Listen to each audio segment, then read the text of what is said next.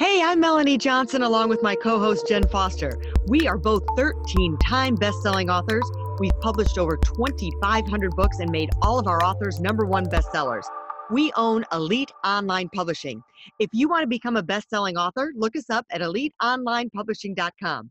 Now, welcome to the podcast that shares secrets from top industry experts that show you how to get lasting success and results. This is the Elite Expert Insider Podcast. Hey, it's Melanie Johnson here. Welcome back for another great podcast. Jen is here in the house. How you doing, Jen? Hey, everyone. All right, we have another super podcast for you today. Um, you know, I think I'm ADHD a little bit. I have that ADD. We are going to talk to a gentleman today who is a Guinness World Record holder, and he is ADD, but he has this memory that is phenomenal. He's created Farrow Communications. I don't even want to tell all the things we're going to learn today is about promotion, PR, marketing, um, memory. All right, it's just it's just packed chock full of great stuff today. But before we get into it, I want to remind you to subscribe. If you have any questions or comments, please leave them. We love to hear your comments. And we're going to get started. Welcome, Dave Farrow from Farrow Communications. You're just a rock star. Thanks for joining us today. Thank you very much. My mom is proud. I, I work hard. Great. Well, tell us, Dave, a little bit about yourself and how you got into memory and marketing and all uh, what you're doing right now. Yeah, well, you touched on it a lot. Um, essentially, I, have got the you know the weirdest circuitous uh, career, but it, it, all worked out, and I think some of the experience I gained helps a lot of uh, people today. Um, so I started off when I was a kid, I was diagnosed ADHD and dyslexic um, uh, with a high IQ, oddly enough. So it was one of those weird things that they didn't know how to categorize me. And really, I, I rejected categorization in general. Uh, I thought that for every disadvantage, there has to be an advantage. And I went to look for it. And lo and behold, I, uh, I figured out memory techniques, uh, you know, after a lot of study. And then after I learned everything I could, I started to invent my own. I actually am accredited with inventing five new uh, techniques and a focus system, and it went all the way to a double-blind neuroscience study at McGill University to uh, prove my program. Um, so essentially, I was in the same boat that a lot of your your listeners or viewers are in, where you're an expert at something, but then what, right? Uh, you hopefully you sign a big contract hopefully somebody you know shines a light some big you know rock star or something but there was nobody like that for me. I didn't even know another person who ran a business. I didn't have anybody in my family who ran a business. And my i actually had to fight my dad for the right to run a business because he hated entrepreneurs so um, yeah, yeah. So it was uh, I was I was the first burn victim of the Bernie of the Bernie movement. There, I'm kidding, I'm kidding. Um, but uh, but no, but no, my dad and I get along really really well, and and everything's you know now. But just you know looking in the past, it's it's amazing looking back. So what I did is I went after publicity in a big way, and I went after a Guinness record. Obviously, it's a great credential, and uh, that's wonderful. But you know, if you get a credential like that, I know people who are even Olympians. They're some of our clients. Uh, you know, people who have, have achieved amazing, you know, one-time events, uh, mm. and they're not always able to turn that into a business. And I was no different. I thought the world would be to pass to my door when I get in the Guinness Book of Records for memory. I'm the best in the world, um, but but nobody cared. I got some publicity though, and so I just milked that. And after about a week, I was a has-been. The story was over, and then I learned my first lesson about PR that you have to keep reinventing yourself, and you have to have topics that fit uh, the current events. So it has to be something new. And I went on a process of just keep on uh, reinventing myself every season, every you know back to school time. The memory guy had something to say about that. Valentine's Day, we got something to say about that. And I kept on doing more and more interviews, and it led to uh, well over 2,000 interviews in the media. All the top places have been on everything from uh, Dr. Oz, uh, Regis and Kelly. I went on Dr. Oz twice actually, and Regis and Kelly, uh, Today Show, Discovery Channel. CNN, NBC, CBS, BBC, a CBC documentary, all the C's, uh, QVC even actually. Um, and uh, essentially what I did is I did these interviews and I started uh, selling my course. And I had the course originally is on uh, um, an audio course, so it was uh, sold as an audio book, and that makes me a, an international bestseller because it sold over 100,000 copies of that. It went as the title of uh, Millionaire Memory and Memory Made Easy and the Farrow Method, uh, depending on where we sold it. Um, but uh, yeah, we basically had about $10 million worth of sales worldwide. Uh, uh, a lot of that was helped by an infomercial and, and some direct marketing, but uh, a big part of that was just doing interviews and then directing traffic to my website. And little did I know this was unheard of. Most people had never been able to monetize PR, much less get PR. And I had done over 2,000 interviews. It was it was actually enough for me to get my uh, U.S. citizenship because I was uh, I'm Canadian. Um, and uh, to get U.S. citizenship, you have to prove something amazing. And I had like a phone book worth of uh, press clippings that I could point to. And they're like, "Well, here you go." After a, a lot of money, to be honest. Yeah. Expensive. A little paperwork. Um, yeah.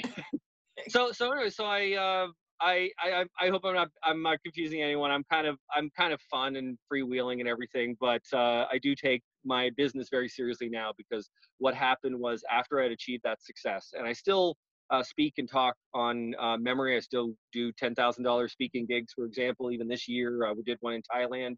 Uh, so you know, I still live the lifestyle. It's not something that's in the past. I was on uh, the Daily Pop uh, just uh, in November. You guys know it's just a couple months ago at the time of this recording, and they have 65 million households that they go to on the E network. So I still do PR to this day. It's not something in the past, but I think all that experience of actually selling something was the reason why so many came, so many people came up to me and asked me, "How the heck did you do this? You started with nothing. You didn't have any anybody to teach you anything. You didn't have any mentors in the beginning." And uh, the the answer is a lot of mistakes and a lot of trial and error. Um, but then I started teaching people, coaching them, and then I, I founded Farrow Communications about seven years ago, and we do full service PR and marketing services.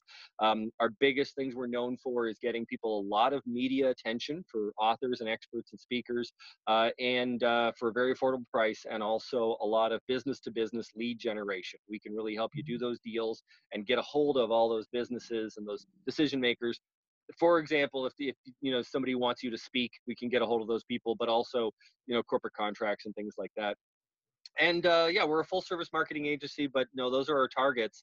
And I got to tell you, it's uh, so much fun. I, I'm still the memory guy, and I go around, and then I, I go in the office and I help other people with what I've learned, and it's kind of intellectually stimulating. I'm I'm kind of I'm I'm I'm 45 now as of today. It's my birthday, and I'm uh, living my best life. I just I absolutely love the challenge as well as the rewards of, of, of where we're at. I love that. You know, the biggest message I was getting out of that too is like you can have the PR. So if you become an author or you do something amazing that's going to generate the PR, you better have something on the back end because yeah. otherwise it's just that flash in the pan. You have that, you know, 30 seconds of fame and then it's gone and you didn't monetize it. So if you're ready to to do that you have to position yourself like have the strategies that you know from your experience have the strategy of what you're going to do. You had the guinness book of world records that you were heading heading towards but then you had something on the back end that you could sell people give people help people with which is a great message. So how do you take the memory thing? Let's let's walk through. So of course we own a publishing company. We have a bunch of best-selling authors that we have and the biggest question is well how do i keep the momentum going? What do i do next how do i get pr so how do they roll that in give us some tips on that well, I have to say one of the one of the first mistakes people make is they don't value PR enough, and the problem is that they compare it to other marketing efforts. That I mean, we do other marketing efforts, funnels, uh, Facebook ads, something like that, even though those are, are not performing as well as they used to. Um, but you know, they just value it based on how many leads you get in any given moment. And you know, PR can produce leads. When I go on a show, I, I do an interview in a very specific way, and I, I get generate leads. But you've got to really be good at the interview to do that. Most people, like 90% of the people, cannot do that and and it took me a long time to master that skill so they think to themselves well if i'm not going to get leads i'm not going to get business what's the point and the point is the long-term effect of PR makes everything better. If you've ever been a speaker and you really, you know, pull back the veil and you find out, uh, just as an example, you find out, um, you know, the decision-making process of of uh, uh, meeting planners, they will be looking at you and they'll have a short list. They'll look at like say two or three other people, and I guarantee you, man, that the person who gets the most publicity, the biggest names, if they've got a Forbes or an Inc. or you know Business Insider attached to their name, they're the ones who get the gig, and they can also usually get paid double what you might be asking. Um, that's I was able to double my speaking fee when I got some decent uh, you know business press, you know, uh, for example, and that that's the really big thing is it it affects your ability to market in every other way, but you still have to monetize it. So there is that phrase that you don't want to get famous without getting rich. That's that's not an idea. Um, getting rich uh, and then people come to us to get famous, that's an easy thing, uh, but you got to get rich first. So, but I think the best strategy is to get rich and famous at the same time. You know, you get exposure and then you leverage that exposure to get you more gigs, to get you higher paying gigs, mm-hmm. and to uh, get more attention, and and you know really leverage that to a larger platform. What do you think that authors do that is the like? What are they doing wrong? the i'd say the biggest thing that, that authors are doing wrong is they are um, they're focusing on their single book instead of their career they should focus even even somebody who's writing a you know young adult fiction or something i've got i've got a, a, a ya author uh, mm-hmm. that's uh, joining on with us right now she's also a um, a screenplay writer and you know her monetization plan is to get a bunch of PR for this book and then turn it into a screenplay and get it picked up um, in in Hollywood. And she actually writes screenplays for a living, so it's not a pie in the sky thing. I it's actually uh, it's actually very uh, a very solid uh, business model for her. Hmm. Um, but uh, so it's not just the business uh, expert, in other words, that uh, you know that that needs to think this way. You need to think of yourself as an expertise in something. So that YA author, you might think, oh, that's just a fiction book, but no, she's an expert in essentially all of her stories are coming of age stories for young women. Mm-hmm. That is an expertise, and then we can we can pitch a story about that. We can pitch a story about how how um, you know modern society is treating young women these days, and and how they feel left out, they feel you know marginalized, all that stuff. That's I, am I'm, I'm speaking to the choir apparently here, you know. But but that's and I know and I, I don't want to make this sound like this is just so flippant or anything, but but if if you're not an expert, if we don't turn your uh, book into your skill, then it's really hard to pitch you. If we're just pitching the book, that's great. But if we pitch you, then what comes along with the book is your skill, your consulting, your your every other way that you can monetize. Even even something like the fiction author monetizing through uh, through you know a, a, a licensing. That's still monetizing. It's the same sort of thing. Uh, it's because she's speaking to a specific audience and it's also much easier for the media to book you if you're an expert than if you're a topic. Um, you know, we have uh, every, the me the best thing to, to book is news. So so the biggest mistake that authors really make is that they don't make them they don't I think they resist uh, being a topic. They they don't want to narrow themselves down. They try to be everything for everybody. And uh, when I tell them, no, you are the absolute best person at this one thing, you know, like I've got I've got a I've got a um, an appraisal roofing guy who has taken the insurance companies to task in Colorado, Philco too. He's he's a great client of mine now. Um, and uh, in in Colorado and in Florida, and I, I don't think he minds me talking about him. Um, we're making him into a hero, but he's an expert. Eh, he's the the appraiser that's an expert at roofing and how all the dirty tricks of the insurance companies are. You know, things like that. Uh, instead of he's just a roofing guy. Like you know what I mean? It, you have to be an expert. And if you're an expert, then you can talk about all related topics, and, and I can I can book you. Well, it sounds like like walk us through. So you got the expert. Someone's written a book, but then it's like like the angle. You seem like you're very good at looking at it and then coming up with the angle for what works today. And that I mean, you've got the you're watching news cycles and seeing how you can yeah. take that expertise that they can talk about the news cycles.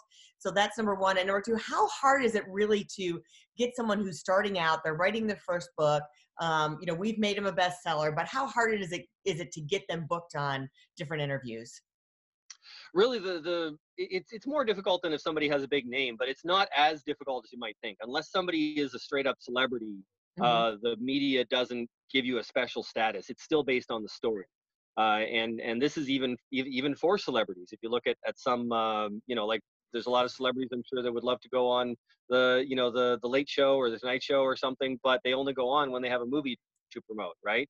So that's their that's their story, and and people don't realize, hey, that's PR too. They've got a team of people just like me doing that thing, and they got to convince the people on the show to have them on and and so on. So um, yeah, so so going back to your question, when you're talking about about authors, um, yeah, they uh, they they they focus on uh, like so let's say you're an expert at something and you know you want to get that that publicity.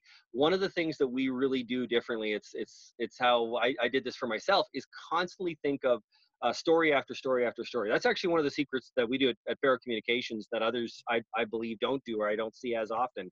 Uh, mm-hmm. too often when people are pitching they do their elevator pitch and the elevator pitch is really good for your uh, customers but for the media they want a story. So we actually take that elevator pitch we turn it into a story, we package it all up nicely into a nice, neat little package, and then the media loves it. So I, will give you a couple examples off the top of my head.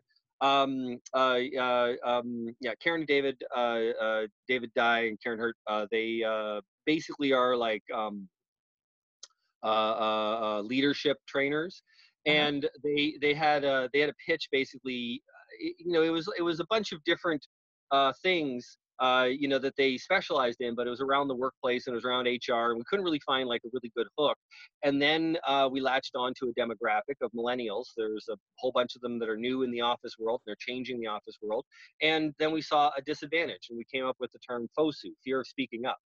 And uh, basically, now we have a story. We have these people are experts on FOSU, which is uh, new millennials in the office. They have a fear of speaking up because they're afraid of getting fired, and as a result, the company is suffering and they are suffering. Their careers are stagnating, et cetera, et cetera.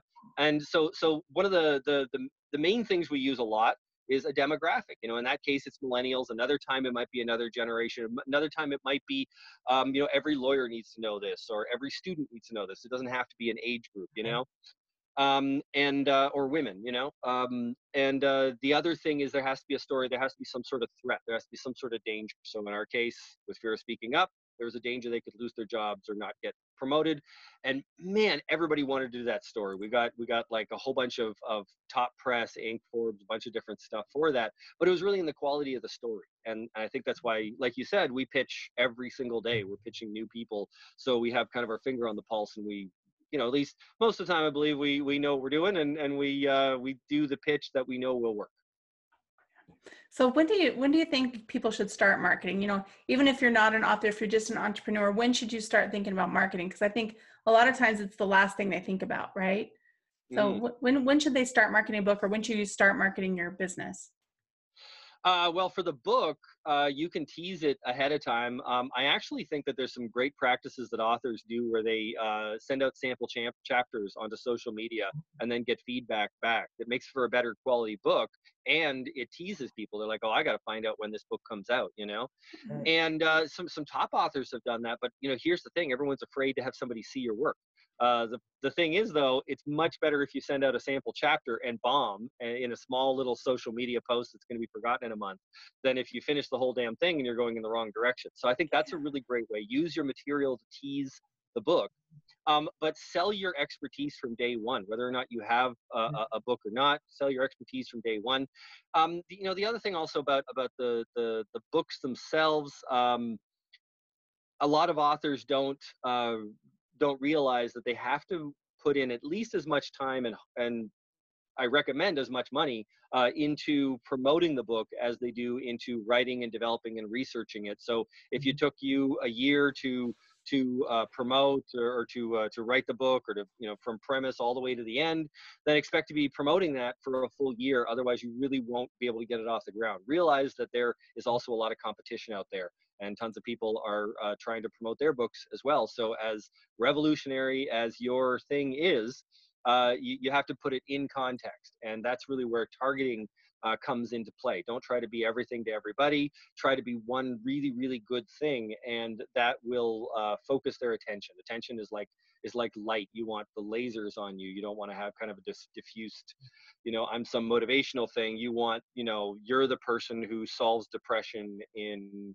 divorced women or something like that you know i did, I, did, I don't know where that came from but That was a great target demographic, though. if we get write a book on that i could pitch it yeah Yeah. All right. So tell us what makes a brand unforgettable. oh absolutely so yeah um, with my experience in, in memory techniques and then when i got into to marketing we were making logos for people and things like that and we wanted to come up with uh, you know tools and techniques to help people remember things. So uh, one of the first things you have to understand is people uh, often don't remember the words that you say they remember how you made them feel. So when you're doing an interview you have to be emotional and this doesn't mean you're manipulating other people. In fact the best way is to be vulnerable. You know i when i did a, a interviews i would talk about how i felt being diagnosed being essentially written off. I had teachers when I was 14 years old say, "Hey, don't expect much out of life," you know, and and I made the audience feel what I was feeling. And every time I did that, the number of hits on my website just skyrocketed. That's that's basically it. Is how they remember you. Um, in terms of of basic memory techniques, you want to paint a picture for people as well. Visuals are very very important. So when you're telling people uh, uh, in your interviews uh, information, I, I would suggest. Um, get really good at painting pictures in a very short anecdotal way you know? So you want to be able to say something in just a few sentences that has a big impact you know? Um, when when i broke the record this happened and this happened and this is how it made me feel and it has a big impact. You can always elaborate on that in longer uh, in longer interviews but uh, you want to have those short impactful feelings and it should follow the arc. If anybody knows about joseph campbell's uh, uh hero's journey um, anybody who doesn't there's a whole lot of YouTube videos that'll explain it better than I can in a few minutes. But essentially, our brains are hardwired to, um, although I use the term hardwired loosely, uh, they're wired essentially to really enjoy stories that follow a certain narrative pattern. You know, the the, yeah. the hero is one spot, they're pulled out of that, they encounter other people, they learn lessons, they're about to give up, they try again and then they succeed and then they return back to where they were knowing something or have grown in some way you can make a story like that in three sentences you know? Mm-hmm. you can you can talk about it you know like like i did in the intro actually you know where i i i was diagnosed with adhd and dyslexia when i was 14 and i i couldn't take it. I i had to do something about it. So uh, going out of my place i read everything i could about mnemonics and learned all those things you know and then and i even discovered something and even came up with some new things and it became a a neuroscience study, and then now I come back and I help other people. That's like that's the journey that you want to do with every little anecdote. Um, and, and our brains love that sort of thing. And, and when when we see a story that doesn't follow that, we don't like the stories. It's it's it's really it's in the narrative of us as humans. Right. I want to learn so much more, but I think we're running out of time. So tell us where people. Here, I know. Yeah. There's so much stuff to know and learn. Uh, tell us where people can find your website or where they can find more about you. Yeah, actually, you'll see a mnemonic actually in, in our corporate logo. My my last name is Farrow, spelled F A R R O W. So it's like an F with an arrow on it, and that's actually what our logo is. It's an F with an arrow coming out of it, so you can remember it. Mm-hmm. Uh, so we're at Farrow Communications at farrowcommunications.com, and if you go there, I'm actually going to give you guys an offer in the top right hand corner. You can click a button and get a free consultation with me where I go into depth. Uh, it's basically a 20 minute analysis of your topic because I haven't found any other way to do it in some sort of random way. Uh, just click on that and you can get an analysis of us. And we also have some great uh, educational content for authors as well. And all of our case studies are on that website too. So check it out, farrowcommunications.com. Awesome. Wonderful. Thanks, Dave. It was so great. I was, I, my head was dipping down now and then because I was writing notes. So things that I want to make sure I remember. Um, so thank, yeah. and I, you know, then I got, the thing is I got to go back and re-listen to our podcast because it's like, I'm so engaged. And then I'm like, I didn't take notes. I got to listen to what they said so I can implement things. So thanks for coming and joining us today. Again, check out Dave at uh, farrowcommunications.com. And uh, we encourage you to subscribe to our podcast. And if you're looking to become an author, make sure that you go to eliteonlinepublishing.com. We're there to help you um, get your book written, published, and marketed and become a bestseller. And we'll see you next time. Remember, subscribe. Talk to you soon. Are you looking to increase your revenue, build credibility, and elevate your brand? This podcast is brought to you by Elite Online Publishing, an innovative publishing and full spectrum marketing company. They will publish and market your book to make it a number one bestseller. Becoming an author is the best way to market your business. So contact them at eliteonlinepublishing.com today. All of their authors become number one bestsellers.